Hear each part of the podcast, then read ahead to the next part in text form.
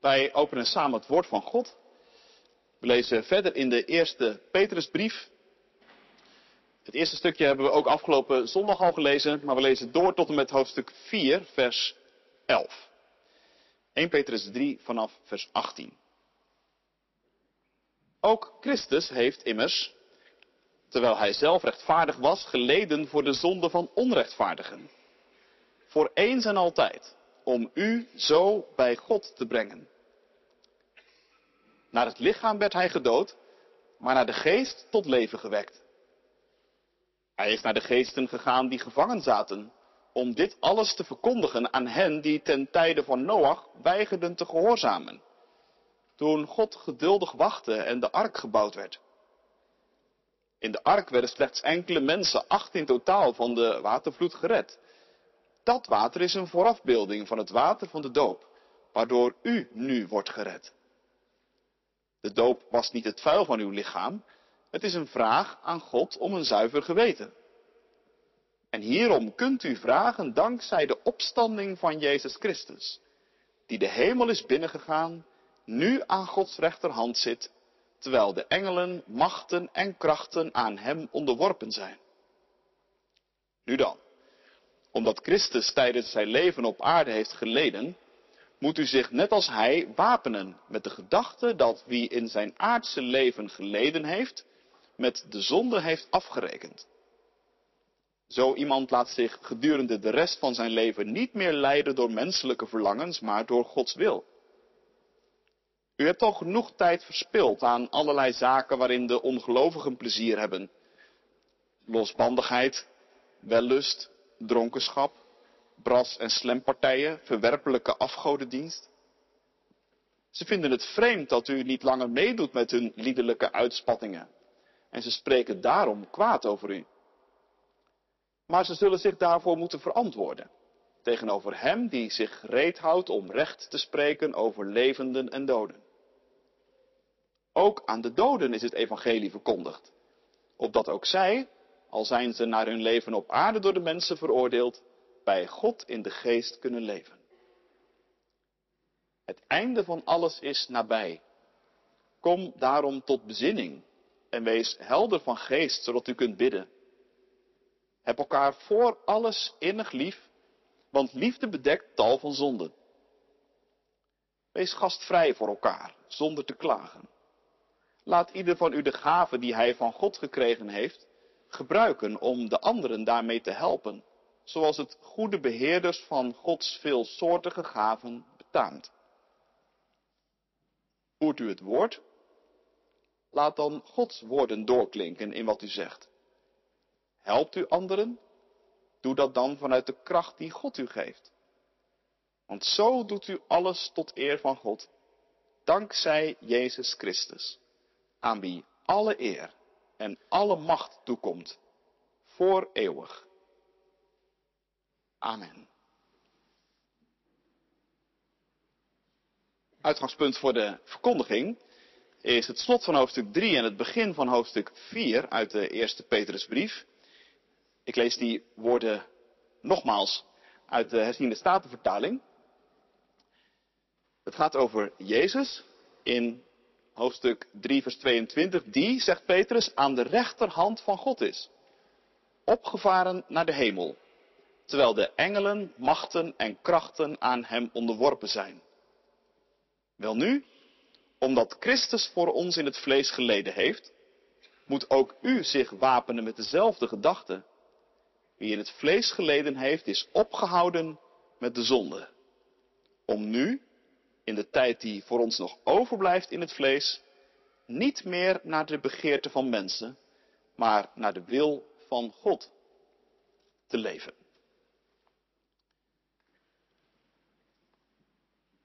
Gemeente van Christus, broeders en zusters hier in de kerk of thuis met ons verbonden. Ik weet niet precies hoe het met u of met jou zit, maar voor veel christenen is hemelvaart toch een beetje het stiefkind onder de christelijke feesten. Voor kerst en Pasen halen we alles uit de kast. Pinksteren over tien dagen is ook mooi. Maar hemelvaart, dat hangt er vaak een beetje bij. Hemelvaartsdag als een verplichte vrije dag zal voorlopig nog wel even blijven bestaan. Volgens de vakbonden begreep ik deze week. Maar dat ligt denk ik dan toch meer aan het plezier van een vrije dag dan aan het plezier in hemelvaart. Toch ligt dat voor de apostel Petrus en eigenlijk voor alle schrijvers van het Nieuwe Testament heel anders. Voor Petrus is hemelvaart helemaal geen stiefkindje, maar voluit onderdeel van één grote, machtige, doorgaande beweging. Van Pasen naar hemelvaart, naar Pinksteren en naar de wederkomst van Jezus Christus. Het is allemaal even wezenlijk en belangrijk. Want het gaat allemaal om wat God gedaan heeft. Om wat Hij doet. En om wat Hij gaat doen. In en door Jezus Christus. Hij is de opgestaande. Hij is de levende, horen we Petrus zeggen. En dan gaat hij in vers 22 in één adem door. Hij is ook degene die aan de rechterhand van God is. Die opgevaren is naar de hemel. En aan wie alle engelen, machten en krachten onderworpen zijn. Dat is eigenlijk zo ongeveer in één lange zin wat er over hemelvaart te zeggen valt. En ik denk dat het goed is als we vandaag, hemelvaart 2023, die zin van Petrus nog eens even goed onder het vergrootglas leggen. Christus is, zegt Petrus, aan de rechterhand van God. Dat is dus blijkbaar het eerste en misschien ook wel het meest belangrijke wat er over hemelvaart te zeggen is. Christus is aan de rechterhand van God.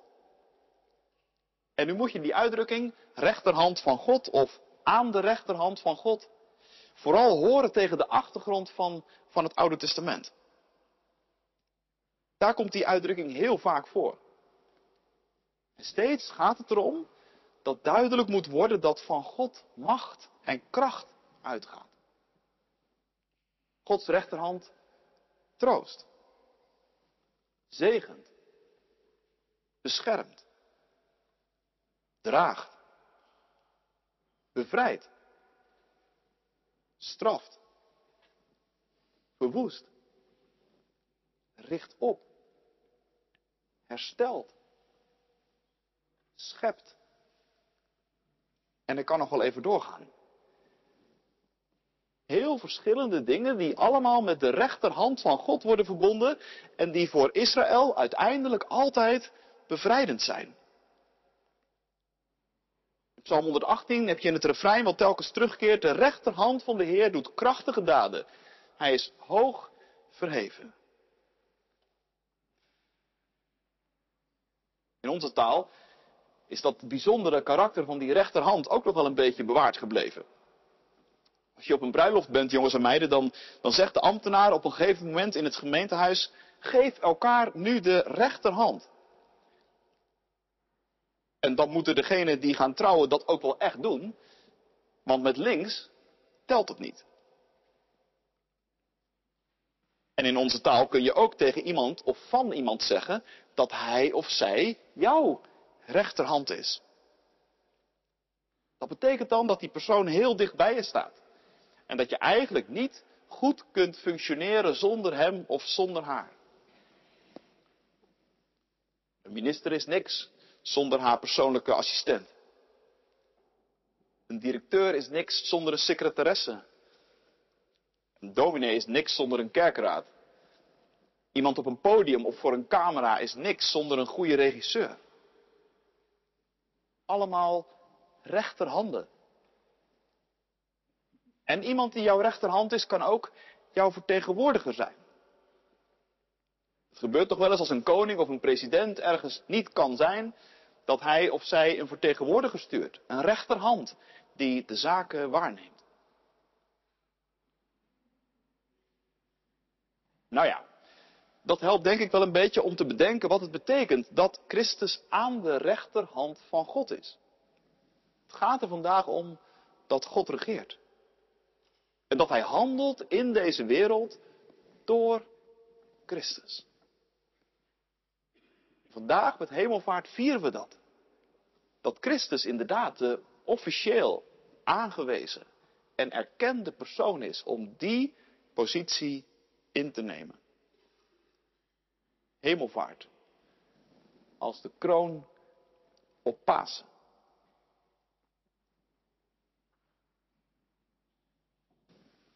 Je merkt, het woord hemel valt op deze dag wel een heel aantal keren. Meer dan normaal, denk ik. En ook Petrus gebruikt het woord.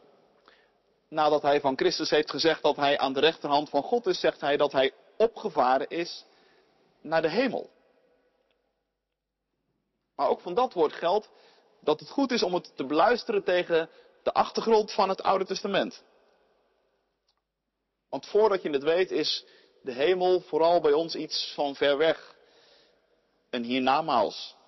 Iets tijdloos. Iets dat je kunt invullen met allerlei beelden die je daarvan kunt hebben. Maar de Bijbel is daarin veel terughoudender. Terughoudender en tegelijk duidelijker. Want in de Bijbel staat de hemel in de eerste plaats voor de werkelijkheid van God. De hemel staat tegenover de aarde. De aarde is de ruimte die God aan ons gegeven heeft. De hemel is de ruimte die God voor zichzelf heeft. Dus als Christus in de hemel is, dan is het belangrijkste daarvan dat Hij bij God is. Inderdaad. Hij is niet meer met een lichaam op aarde zoals wij hier zijn. Maar hij is zeker ook niet ver weg. Het is eerder anders dan ver. Want de hemel en de aarde, ze kunnen elkaar ook zomaar weer raken. Zoals de catechismus dat mooi zegt, vind ik. Als mens is hij niet meer op aarde aanwezig. Maar als God verlaat hij ons nooit meer. Want met zijn majesteit, genade en geest is hij altijd bij ons.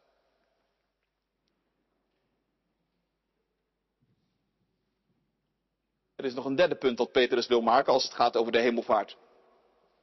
Behalve dat Christus bij God is en aan Gods rechterhand, zijn ook, staat er, de engelen, machten en krachten aan hem onderworpen.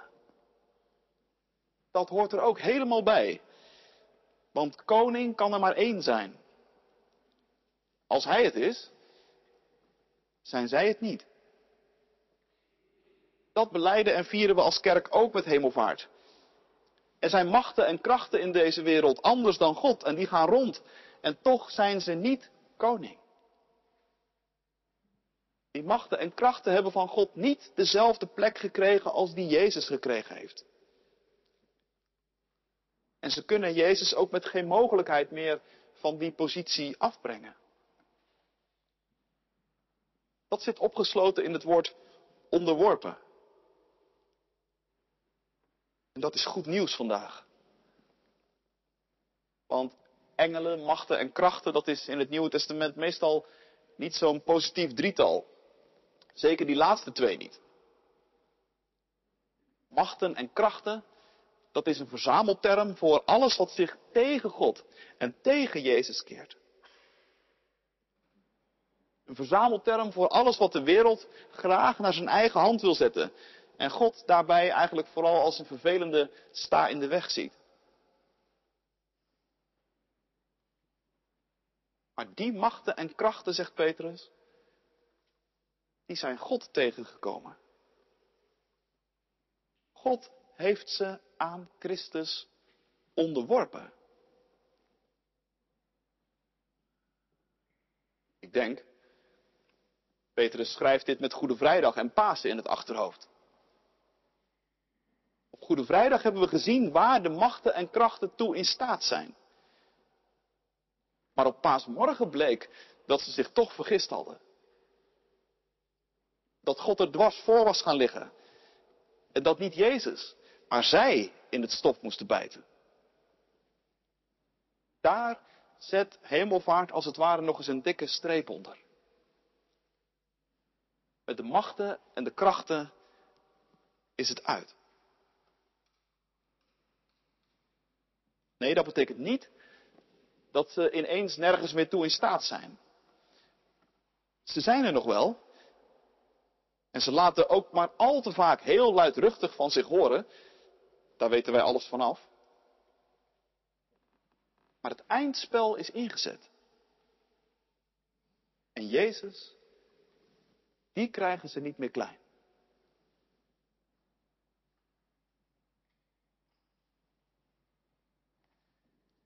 Tot zover zou je kunnen zeggen Petrus' kleine bijbelse theologie van de hemelvaart. Ja, maar dan wel de eerste helft. Want ook al geeft dit natuurlijk al genoeg om over na te denken. Petrus zet in dit hoofdstuk toch meteen ook nog een, een vervolgstap. Want wat hemelvaart is, dat moet ook nog landen. Dat is ook de bedoeling van deze dag. Dat hemelvaart landt in de dagelijkse praktijk van jouw leven en het mijne. Het is mooi en goed om grote woorden te zeggen. Grote woorden te zingen vandaag. Misschien wel zo groot dat je denkt, ik ben blij dat ze me in de mond gelegd worden, want zelf zou ik er niet opgekomen zijn.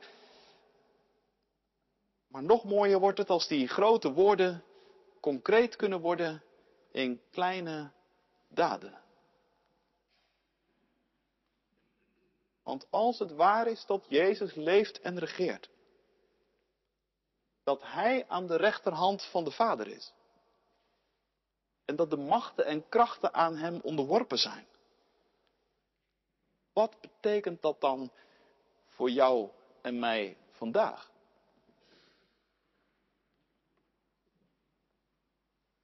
Daarover gaat het in het begin van hoofdstuk 4. Petrus ontwikkelt daar een fascinerende gedachte. Omdat Christus, zegt hij, voor ons in zijn aardse leven geleden heeft, moet ook u zich wapenen met deze gedachte.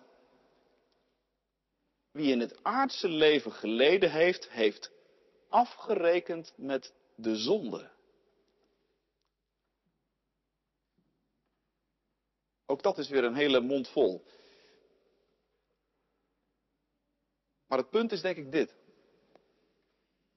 Christus heeft geleden, zegt Petrus. Dat weten jullie allemaal.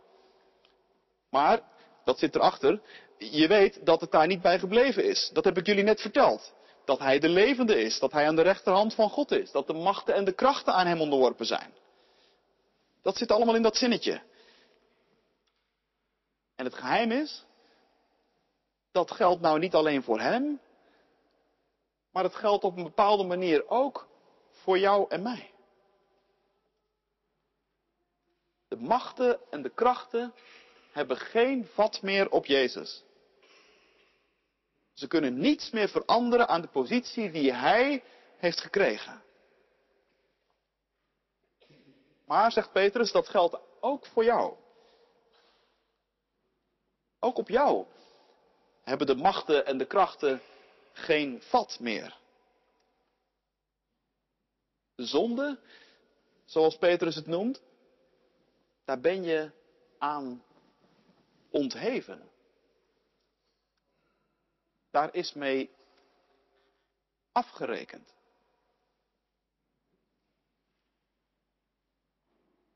Dat betekent niet dat de zonde er niet meer is.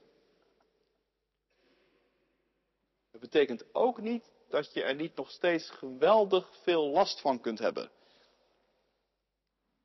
Dat kan zeker. En wij weten allemaal, dat is de dagelijkse realiteit. Maar het betekent wel, en dat vieren wij ook vandaag, dat wie je mag zijn in Christus, dat dat niet meer aan te tasten is.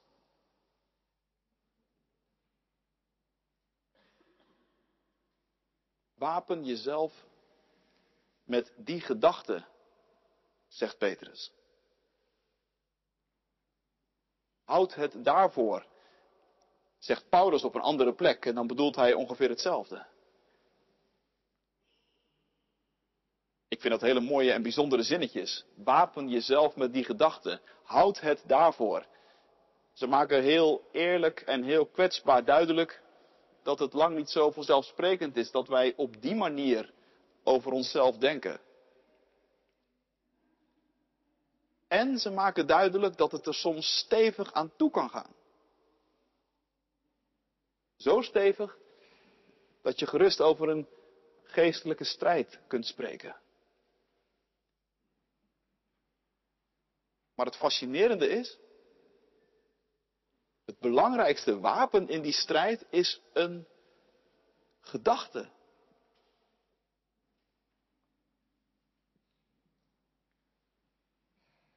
Toen ik daar wat over nadacht, moest ik denken aan Blaise Pascal. Je kent hem wellicht, de beroemde natuurkundige. We vieren zijn 400, 400ste uh, geboortedag dit jaar.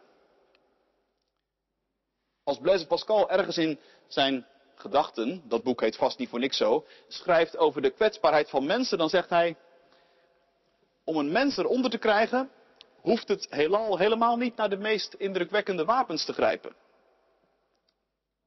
Wat damp, een paar bacteriën, wij zouden zeggen een virus, dat is al genoeg om een mens uit te schakelen.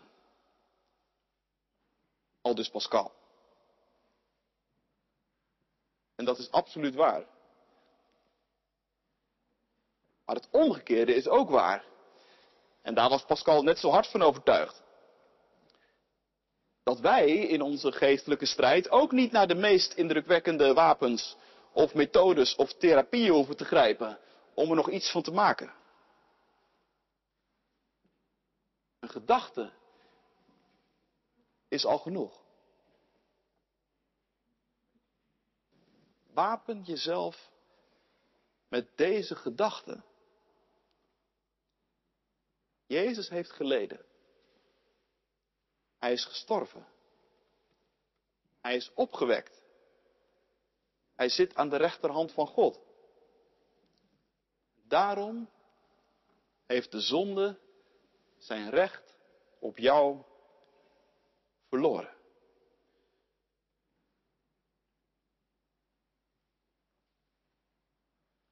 En dat maakt vrij. Vrij, zegt Petrus, om de wil van God te doen. Ja, en dan spat het ongeduld ineens van het papier. Want, zegt hij, en hij ratelt door zoals we hem kennen, er is al veel te veel tijd verspild aan zinloze dingen. Het is hoog tijd voor iets anders in de tijd die God ons nog gegeven heeft. Het is hoog tijd voor de wil van God die vrij maakt en vrede geeft.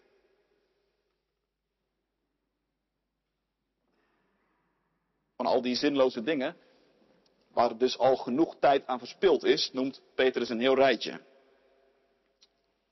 Losbandigheid, wellust, dronkenschap, bras en slempartijen, zegt hij, afgodendienst.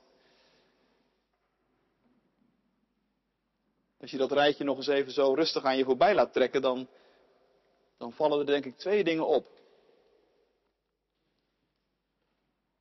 In de eerste plaats dat het eigenlijk toch wel om vrij normale dingen gaat, als ik het even zo mag zeggen. In ieder geval om dingen waarvoor je meestal niet direct voor de rechter wordt gesleept. Of die meteen een strafblad opleveren. Gaat in dit rijtje om dingen die min of meer bij het normale tussen aanhalingstekens leven hoorden. Althans, bij wat voor de meeste mensen zeker ook in Petrus tijd normaal was. En de rode draad door al die dingen, dat is het tweede wat opvalt, dat is dat het in al die dingen eigenlijk voortdurend gaat om het overschrijden van grenzen. Het gaat om dingen die op zichzelf niet verkeerd zijn en soms zelfs heel goed. maar die wanneer je een, een grens passeert, ineens als een boemerang op je hoofd terugkeren. Neem vrijheid. Vrijheid is geweldig. Maar ongeremde vrijheid, dat wordt inderdaad losbandigheid. Verlangens. Heel natuurlijk en een geschenk van God. Maar ongeremde verlangens, dat wordt wellust. Eten en drinken. Een groot geschenk van God. Maar te veel eten en drinken. Voor niemand goed. Petrus keert zich dus al met al tegen een leven en tegen een samenleving, een maatschappij waarin ongeremde en ongestuurde superego's de dienst uitmaken. Waar I want it and I want it now het grootste motto is. Als je nog zo leeft, zegt Petrus, dan leef je eigenlijk nog in een soort ontkenningsfase. Je hebt dan iets gemist. Je beseft niet dat het hemelvaart geweest is. Dat Jezus regeert. Dat de machten en de krachten hun vonnis op de mat hebben gekregen. Heeft ze dan ook geen ruimte meer? Want nog even en hun spel is over.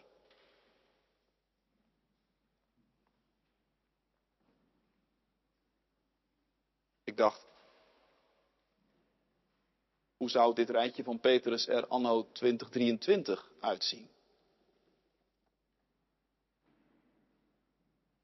Wat zijn nou de dingen waarvan wij moeten zeggen dat we er in het licht van hemelvaart al veel te veel tijd en energie aan hebben verspild?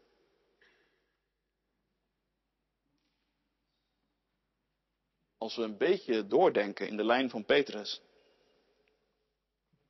En dus denken aan dingen die voor de meeste mensen eigenlijk heel normaal zijn. Maar in feite grensoverschrijdingen. Ja, dan denk ik bijvoorbeeld aan onze manier van consumeren. Consumeren is nodig. Maar meer consumeren dan je nodig hebt, is zinloos. Eten en drinken is nodig. Maar het uitputten van de bodem een hele slechte zaak.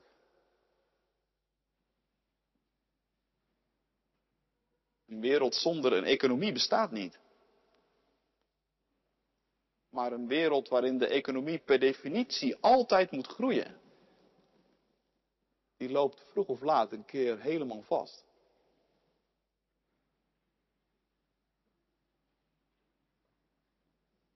Nu ja, je merkt, hemelvaart is dus eigenlijk ook een heel concreet en zelfs een kritisch feest. Laat Hemelvaartsdag 23 onze ogen openen voor dat waarin ons samenleven bezig is totaal uit de bocht vliegen. En laat dat gebeuren door je vandaag opnieuw te binnen te brengen wie degene is die aan Gods rechterhand zit. Wapen je met de gedachte dat jouw en mijn leven niet door de zonde wordt gedefinieerd. Maar door Hem. Laten we stoppen met zinloze dingen. Waar we al veel te veel en veel te lang energie aan hebben verspild. Laten we ons toewijden aan Christus. Ons richten op Hem, die ons voorging op die weg. Want Hij is koning. En van Hem is de toekomst. Amen.